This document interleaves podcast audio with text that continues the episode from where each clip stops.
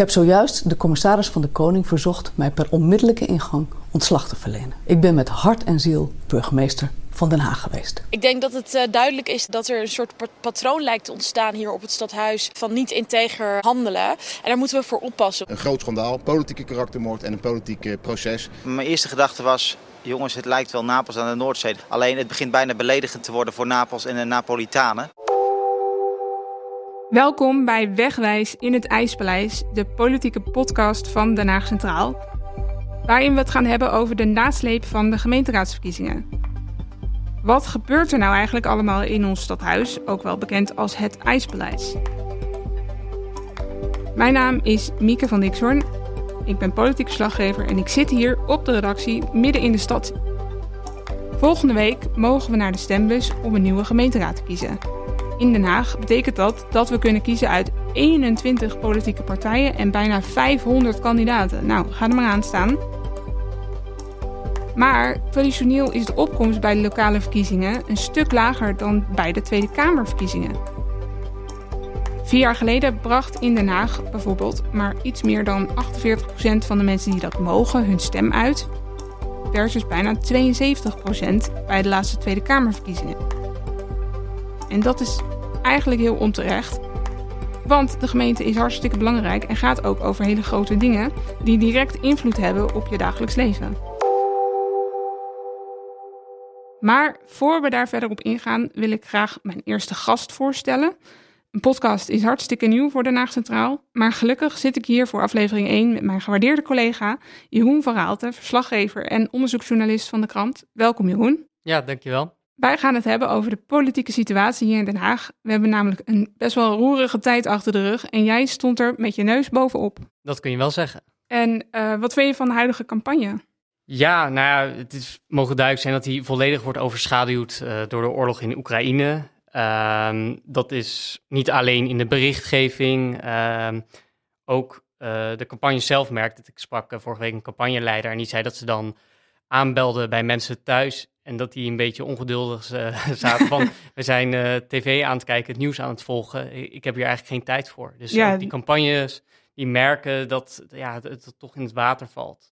En het komt ook een beetje langzaam op gang met de, de coronamaatregelen zijn er nu vanaf natuurlijk. Maar je merkt ook wel een beetje dat mensen nog heel erg moeten wennen aan dat we weer bij elkaar mogen zijn. En dat we weer debatten mogen voeren en zo. Ja, ja want er worden wel heel veel debatten georganiseerd. Maar ja. ik heb, ja, je krijgt niet echt het gevoel dat het nou heel erg leeft. En ook de, de, de, de landelijke media, als we er al aandacht aan besteden, uh, ja, dan merk je dat, dat, ze er heel erg moeite mee hebben om, om die lokale politiek tot, tot leven te wekken. Ja. En dan krijg je toch vooral weer de landelijke kopstukken. Ze nodigen Rutte uit. Ze nodigen Rutte uit om, uh, om even de VVD uh, eh, te pushen. En ja, het, dat is ja, de, toch de vloek van de gemeenteraadsverkiezingen. En, maar dat is eigenlijk elke vier jaar zo, toch? Er is altijd weinig aandacht voor eigenlijk in de landelijke media. Ja. Kunnen we uitleggen hoe dat komt? Want eigenlijk zijn de gemeenten, uh, gemeente is heel belangrijk. Ik bedoel, het cliché is, de gemeente gaat over lantaarnpalen en scheve stoeptegels. En dat klopt natuurlijk. Zodra je de deur uitstapt, kom je in de wereld van de gemeentepolitiek.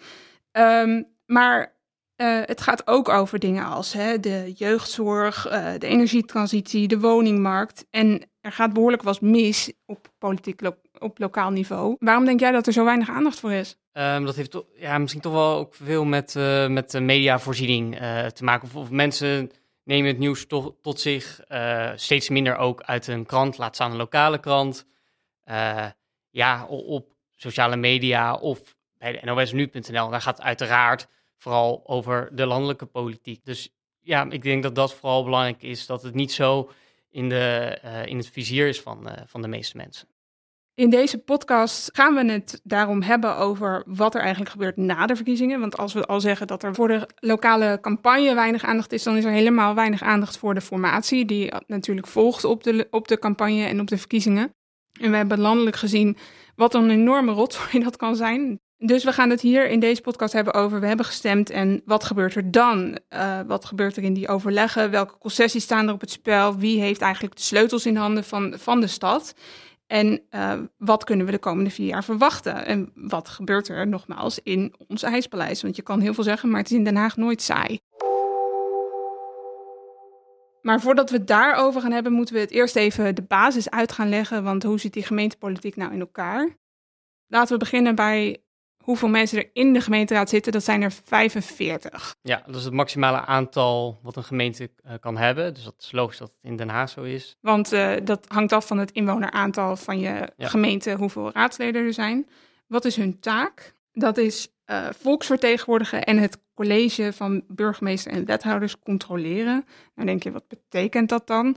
Volksvertegenwoordigen, daar sta ik dan onder de stad ingaan, met mensen praten en ophalen wat er leeft in de stad en dat vervolgens vertolken. En uh, bestuurlijke, het college controleren is ja, in de gaten houden wat die wethouders eigenlijk allemaal uitspoken en of ze het allemaal wel oké, wel goed doen. En het is in die zin gewoon het, het uh, vergelijkbaar met een uh, Tweede Kamerlid. Uh, met het verschil dat dit een parttime baan is. Veel mensen werken daarnaast nog in het onderwijs of, of, of een bedrijfsleven. een enkeling die doet het wel fulltime, maar die krijgt daar niet fulltime voor betaald. Dus dat is echt uit eigen, uit eigen wil. Dus, maar goed, dat, dat, dat, dat, moet dan echt uit je tenen komen. Want ja, de gemeenteraad is ook enorm versplinterd. Zeker, zeker. We zijn in Den Haag het voorland van de Tweede Kamer, lijkt soms wel. Alleen hebben ze ons nu ingehaald. Ja, ja. wij moeten het nu stellen met uh, 16 fracties.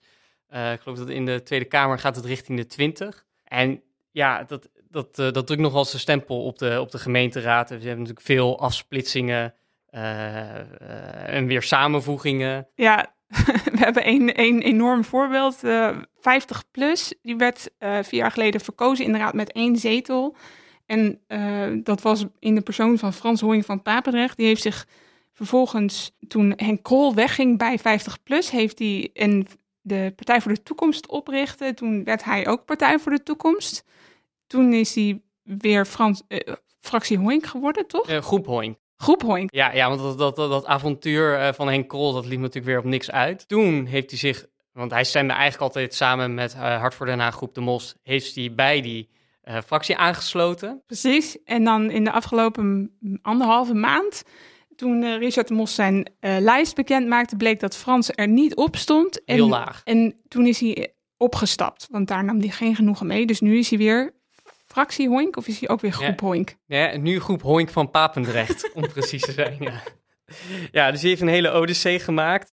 Wat ook interessant is, is dat lang voordat uh, Denk in de Tweede Kamer zat, wij hier in Den Haag al meerdere uh, partijen met islamitische grondslag hadden. Ja. Uh, niet één, niet twee, maar drie partijen hebben we nu. Alleen, die stoppen dat ermee. wordt minder. Ja, en dat, die komen allemaal terug in de vorm van Denk. Ja, al zou het kunnen dat we toch nog een extra islamitische partij krijgen. Want Denk heeft ook alweer voor de verkiezingen een afsplitsing gekregen. En die ja. doet ook zelf mee. Dat is Haags Belang. Ja, dus het, uh, we moeten zien hoe groot de, uiteindelijk de eenheid wordt.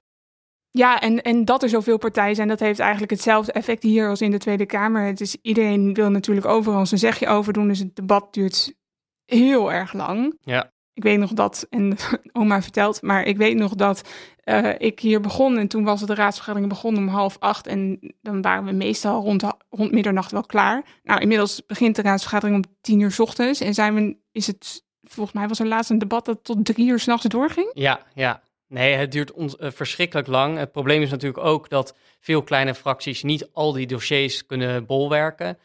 Uh, maar ze doen wel overal een plasje over. En. Uh, dat is eigenlijk tot, leidt tot zagrijn van iedereen. Nou hebben we landelijk te maken met een kabinet en de ministers daarin. Hoe zit dat dan lokaal? Eigenlijk is dat heel goed één op één te vergelijken met de wethouders hier. Een partij haalt een aantal zetels bij de gemeenteraadsverkiezingen en uh, dan wordt er gekeken welke partijen samen een meerderheid van de gemeenteraad zouden vormen. Dus dat is in Den Haag 23 van de 45 zetels. En die sluiten dan samen, als ze eruit komen natuurlijk, een coalitieakkoord. Een soort regeerakkoord eigenlijk, waarin ze afspraken maken voor de komende vier jaar. En die wethouders, die worden dan geleverd door die partijen en die zitten dus niet meer in de raad dan. En zij krijgen dan de opdracht om dat coalitieakkoord uit te gaan voeren. Ja, en soms worden ze, zijn ze überhaupt niet verkozen. Hè? Net als ministers die van buiten worden gehaald, hebben wij nu ook wethouders um, die door de partij ergens anders van zijn geplukt. Uh, bijvoorbeeld Lisbeth van Tongeren, ja. oud-Kamerlid. Kavita uh, Parbudayal was ja. topambtenaar hier in Den Haag. Ja, die zijn dan door hun eigen partij uh, naar voren geschoven als wethouderskandidaat. Ja, precies. En dat is nieuw dat de wethouders niet in de raad zitten sinds 2002. En dat betekent dat we dus in de gemeente met een duur woord ook dualistisch zijn.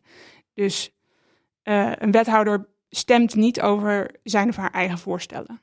Nee, het is echt een uitvoerend uh, orgaan, net als het, uh, het kabinet. En hoe zit dat dan met de burgemeester? Ja, dat is, dat is wel apart. Hè? Dat is niet, de burgemeester is niet verkozen, is niet een soort van premier. Hij is eigenlijk iemand die wordt aangesteld en dan door de commissaris van de koning, uiteindelijk door de koning. En boven de partijen staat. Die moet een beetje de boel in het gareel houden. We hebben natuurlijk nu een VVD-burgemeester, maar hij is niet betrokken bij de VVD als zodanig. Hij zit niet daar bij de fractievergaderingen of nee, zo? Nee, nee, precies. En sterker nog, hij begreep dat hij onlangs nog... er zijn in dit college van acht wethouders, zijn er vier daarvan lijsttrekker. En hij heeft dat nog even aangestipt van jongens, we zitten hier in deze vergadering met vier lijsttrekkers, waaronder die van de VVD. Maar we zitten hier gewoon als wethouders. Hè? Dus ik wil geen, uh, geen allemaal partijpolitieke spelletjes. Nee, uh, precies. Ja. Nee, ik hoorde hem dat in de raadsvergadering ook zeggen. Dat hij zei van, uh, tegen een raadslid die volgens mij de wethouder van de PvdA aansprak. Ja, u spreekt hier met de wethouder en niet met de lijsttrekker van de PvdA. Ja, maar die rollen zijn natuurlijk ja. enorm aan het vermengen in zo'n campagne. Dat is Zeker. onvermijdelijk. Zeker. Wat ik al zei, uh, Den Haag is nooit saai. Het is hier behoorlijk spannend. We maken heel wat mee. Zeker de afgelopen vier jaar. Uh, waar zullen we beginnen? Uh, laten we de horrorweek pakken. Ja, ja, de horrorweek, oftewel de eerste week van oktober in, in 2019. ja, daar gebeurde heel veel. Um, allereerst was er dinsdag, werd ik wakker van het getoeter van de tractoren die een invasie... oh ja, boerenprotest. Het boerenprotest ja. tegen stikstof. nog even naar het Malieveld geweest. En toen kwam het nou ja, het krankzinnige bericht van het Openbaar Ministerie, namelijk dat twee wethouders van groep De Mos, waaronder Richard De Mos en een raadslid van de partij, uh, beschuldigd waren van ambtelijke corruptie. Ja, en die waren ook van hun bed gelicht. Die waren van hun bed gelicht, doorzoeking op het stadhuis, bij hun thuis, uh, nou ja, allemaal uh, gekkigheid. Eerste wat ik dacht was, shit, want we, we, hadden een tip hierover iets van een half jaar eerder gekregen. Ja. Maar dat kregen we niet rond. Dat kregen we niet rond. En toen gebeurde het, ja, dit hadden we ook niet uh, kunnen voorstellen. Nou, nee.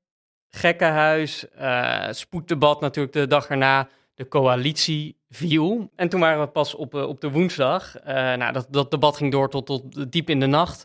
Volgende ochtend weer fris en fruitig opstaan. Want toen kwam het rapport van de Onderzoeksraad voor Veiligheid over het totaal uit de hand gelopen uh, vreugdevuur in Scheveningen. Oh ja. Bij Dijsselbloem langs geweest. Uh, die maakte korte metten met het optreden van de burgemeester, toen Pauline Krikke. Daarna, eind van de middag, mocht bij Krikke aanschuiven. Die had alle media geïnterviewd, dus had geen stem meer. Dus het verzoek was ook weer samen met de Scheveninger uh, bij aansloot voor het laatste. En ze had al bijna geen stem meer, dan met een beetje honingthee daar het laatste interview te geven. En dat werd ook het laatste interview. Want op zondag gaf ze via Instagram, uh, maakte ze bekend dat ze aftrad als burgemeester. Ja, ja. Dus ja, als je de schade opmaakt van die week, hadden we een burgemeester weg, twee wethouders weg, de coalitie gevallen en het Malieveld omgeploegd. ja, nou, welkom in Den Haag. Uh, en waar worden die twee wethouders en dat raadslid van verdacht? Want die zaak loopt nog steeds. Ja, dat is natuurlijk uh, krankzinnig dat dat uh, zo lang duurt. Uh, dat vriend en vijand vindt het, vindt het dat belachelijk. Waar het om gaat is dat het OM de wethouders verdenkt van het voortrekken en nou, het bevoordelen van partijsponsors. Het gaat dus om een aantal mensen in, in vastgoed of, of in, in, in de evenementenbranche zitten die vergunningen zouden hebben gekregen met hulp van. Uh, ja, precies. Ja. En, en, en, daarnaast ook nog het schending van het ambtsgeheim. Ja. En, en het raadslid wordt ook verdacht van mijn eet.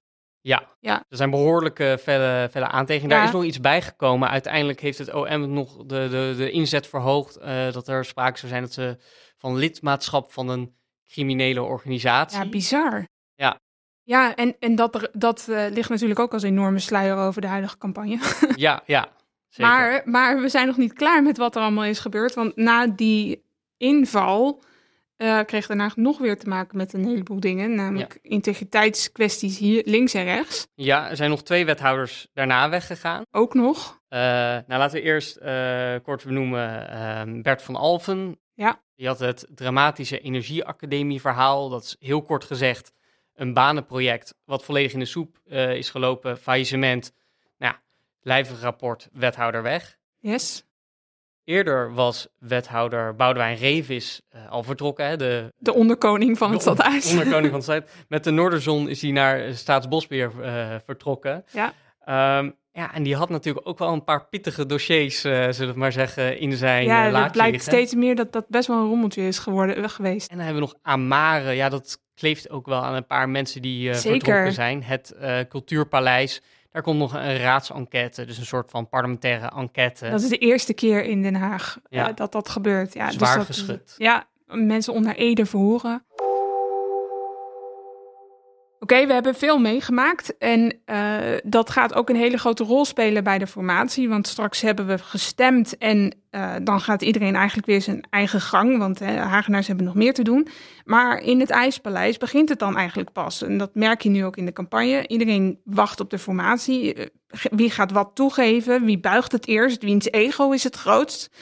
Want de formatiedans is eigenlijk al begonnen. Wat jij? Ja, het is vrij mat. En dat ligt misschien ook aan de Oekraïne-crisis, maar... Ook aan de Mos, want hij doet nu weer mee en volgens de verwachtingen wordt hij gewoon weer de grootste partij. Terwijl hij eigenlijk nog, terwijl hij niet eigenlijk, hij is gewoon nog steeds verdacht. Ja, uh, ja dus het kan zijn dat partijen toch al voorsorteren op, op die formatie. Kijk, zeker, het is geen geheim van de VVD, uh, kan het inhoudelijk goed vinden met de partij. Uh, ze spreken een beetje van een uh, down-to-earth partij, die wil gewoon geen, geen, geen, uh, geen verre, verre gezichten en mo Nee. moeilijke dingen. Gewoon uh, wat goed is voor de mensen. Ja. En, en daarin kunnen zij elkaar heel erg vinden. Of het nou om parkeergelegenheid gaat of... Geen autootje pesten. Of, ja, of, of minder, mi minder regels voor, voor ondernemers. Precies. Maar er zijn ook uh, D66 sluit de Mos echt uit als uh, potentiële coalitiepartner. Ja, en D66, ja, die mikt een beetje op een tweestrijd hè, met de Mos. Ja. Uh, zij als de progressieve waandeldragers van de democratie tegenover de, de lokale populisten. Zal ik het, um, nee, maar dat wordt natuurlijk wel een probleem, want, want dat gaat om, ja, dat zullen toch de, waarschijnlijk de drie, De drie grootste grootste. partijen worden. En zonder D66 als middenpartij kun je eigenlijk geen, uh, geen college vormen. Dat wordt heel lastig. Ja, want de, de, er gaan geruchten dat er al gesprekken zijn geweest met Denk, en, maar dat lijkt me ook een hele onconventionele... Tussen de Mos en de Denk. Mos en Denk, ja, Ja. precies. En, maar hè, dan denk je de Mos, Denk en VVD, dat lijkt me ook niet echt samengaan. Nee, en dan ben je er ook nog lang niet, hè? Nee, precies. Dan heb je, ja, heb je het Dan je CDA nog- nodig. Die staan er niet zo lekker Die voor. staan er ook niet lekker voor. Als, als, als Roep de Mos echt heel overtuigend de grootste wordt, Ja. ja, ja dan, dan, dan, kunnen, dan kan D66 nog zoveel willen. Eh, dan zullen ze toch hun eh, moeten heroverwegen en aan tafel gaan zitten. Ja. Lijkt mij. Ja, ja, kortom, genoeg reden om naar deze podcast te blijven luisteren. Om het te gaan hebben over die formatie, die dus heel lastig gaat worden. Want een van de kwesties is natuurlijk dat de Mos gewoon een van de verdachten is nog steeds. En eh Gernoui, eh, Rachid Gernoui, een van de kandidaten van de Mos en voormalig wethouder ook. En een grote kwestie gaat zijn of zij weer wethouder kunnen worden. Want dat willen ze allebei heel graag. Maar de andere, veel andere partijen, de meeste andere partijen, die zeggen: ja, dat kan eigenlijk niet, terwijl ze nog steeds verdacht zijn en die zaak nog niet heeft. Nee, dat lijkt me zo erg. Het, het zou misschien überhaupt niet kunnen, omdat de gemeente heeft een, eh, sinds de corruptieaffaire ook een screening Ja, van kandidaten ingesteld. Ehm, en van ja. wethouders ook. Zo. Ja, dus als je dan verdachte bent in een, eh, in een, in een stevige ja. eh, strafzaak, ja, dan zul je waarschijnlijk niet, ook niet door de screening heen komen. Nee, dus daarom staat er ook op de lijst Rita Verdonk. Oude bekende. Ja, ja, die hebben ze ergens uit de archieven opgeduikeld. en zij profileert zich ook eh, nadrukkelijk als eh, wethouderskandidaat. Ja, op jeugdzorg dan ook specifiek. En dan hebben ze ook nog een oud P van de A die in Den Haag heel bekend is, Constant Martini, Ja, weten te strikken. En die is ook wethouderskandidaat. ja, dat is ook een hele merkwaardige move. Eh, maar het trekt wel weer de aandacht. En je hebt wel twee, in ieder geval ervaren bestuurders op je lijst staan. Zeker, zeker. Het andere grote punt op die formatietafel gaat zijn waar de uitdagingen waar de gemeente allemaal voor staat. Uh, we hebben het al een beetje over gehad. Ehm, maar er moeten belangrijke beslissingen worden genomen. De gemeente gaat over heel veel grote dingen. Um, bijvoorbeeld de energietransitie, daar heeft de gemeente een grote rol in. En daar heb jij veel over geschreven. Wat, wat zijn de grote dingen die voorliggen? Ja. Nou, um, de gemeente is verantwoordelijk voor de warmtetransitie. En dat is eigenlijk de, het grote uh, um, uh, hoofdpijndossier in de, in de energietransitie. Iedereen zegt van nou, met die zonnepanelen, die windmolens, qua elektriciteit gaat het wel lukken. Alleen warmte, dus hoe gaan we onze huizen verwarmen, duurzaam verwarmen, dat is het grote vraagstuk. Dat ligt voor de uitvoering op tafel bij de gemeente. Precies. En waar het dus nu op dit moment heel concreet om gaat, is wat gaan we doen in welke wijk? Dus komt daar een, uh, een warmtenet? En zo ja, waar, met welke energiebron wordt dat warmtenet gevoed? Gaan we juist meer inzetten op, uh, op warmtepompen per huis? Nou, ja, isolatie. heeft direct invloed op het dagelijks leven van mensen ja, in Den Haag. en op de energierekening. het staat natuurlijk nu vanwege de, de gascrisis nog en de, en de Oekraïne-oorlog... nog hoger nog, op de agenda. Ja, ja, ja, precies. Dus dat ja, is toch wel. Kijk, die kaders zijn landelijk gezet, maar de gemeente moet het doen. Ja, ja, en hetzelfde is eigenlijk aan de hand op de woningmarkt. Uh, daar worden de kaders ook landelijk gezet. Ja. Uh, maar we zijn in Den Haag wel een aantal hele concrete stappen aan het zetten. Uh, bijvoorbeeld de opkoopbescherming. Ja, sinds 1 maart uh, kunnen beleggers, nou, die kunnen een huis kopen, maar die mogen het dan de eerste vier jaar niet verhuren. Uh, tot een bepaalde prijs is dat. Ja. En daarmee hopen ze in ieder geval 80% uh, van de huizen die naar uh, uh, opkopende vastgoedbeleggers gaan te behoeden. en dat die voor starters blijven. Nou, er zijn nog veel meer maatregelen genomen. woningsplitsing ligt aan banden. verkamering, dus dat woningen per kamer worden verhuurd, ligt aan banden. en er komt waarschijnlijk nog een vergunning aan voor verhuurders. Dus als Wat betekent dan, dat? Nou, als je je onfatsoenlijk uh, gedraagt of uh, woekerhuren rekent, dan kan je vergunning worden ingenomen en dan mag je geen woningen meer verhuren. Hm, ja, dus de gemeente heeft daar ook een behoorlijke vinger in de pap. En dan hebben we nog de jeugdzorg, een hoofdpijndossier van je welste. En daar wordt al heel lang over geruzied tussen gemeentes en het, uh, en het Rijk. Omdat in 2015 kregen gemeentes de verantwoordelijkheid over de jeugdzorg, maar tegelijkertijd werd er een bezuiniging doorgevoerd. En dat betekent dat de gemeentes uh, heel veel gemeentes in het land te kampen met enorme tekorten. En daar uh, wordt enorm over geruzied. Maar het Rijk heeft nu in het laatste uh, akkoord gezegd dat er juist weer minder geld naartoe komt. Dus dat betekent dat de gemeente met een enorme vraag zit, ook in die formatie. Wat gaan we doen? Dus ga je krijgen van, hè, gaan we dan bibliotheken sluiten? Gaan de belastingen omhoog? Uh, want het moet uit de lengte of de breedte komen. Ja, dus dat zal een groot discussiestuk zijn gaan we de onroerende zaakbelasting, dus de OCB, verhogen. Precies. Nou, linkse partijen, maar ook D66, die zeggen vol overtuiging ja.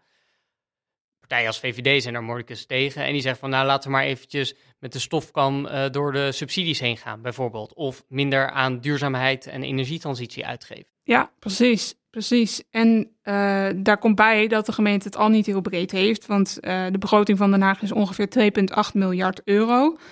En we kampen op dit moment met 19 miljoen euro tekort.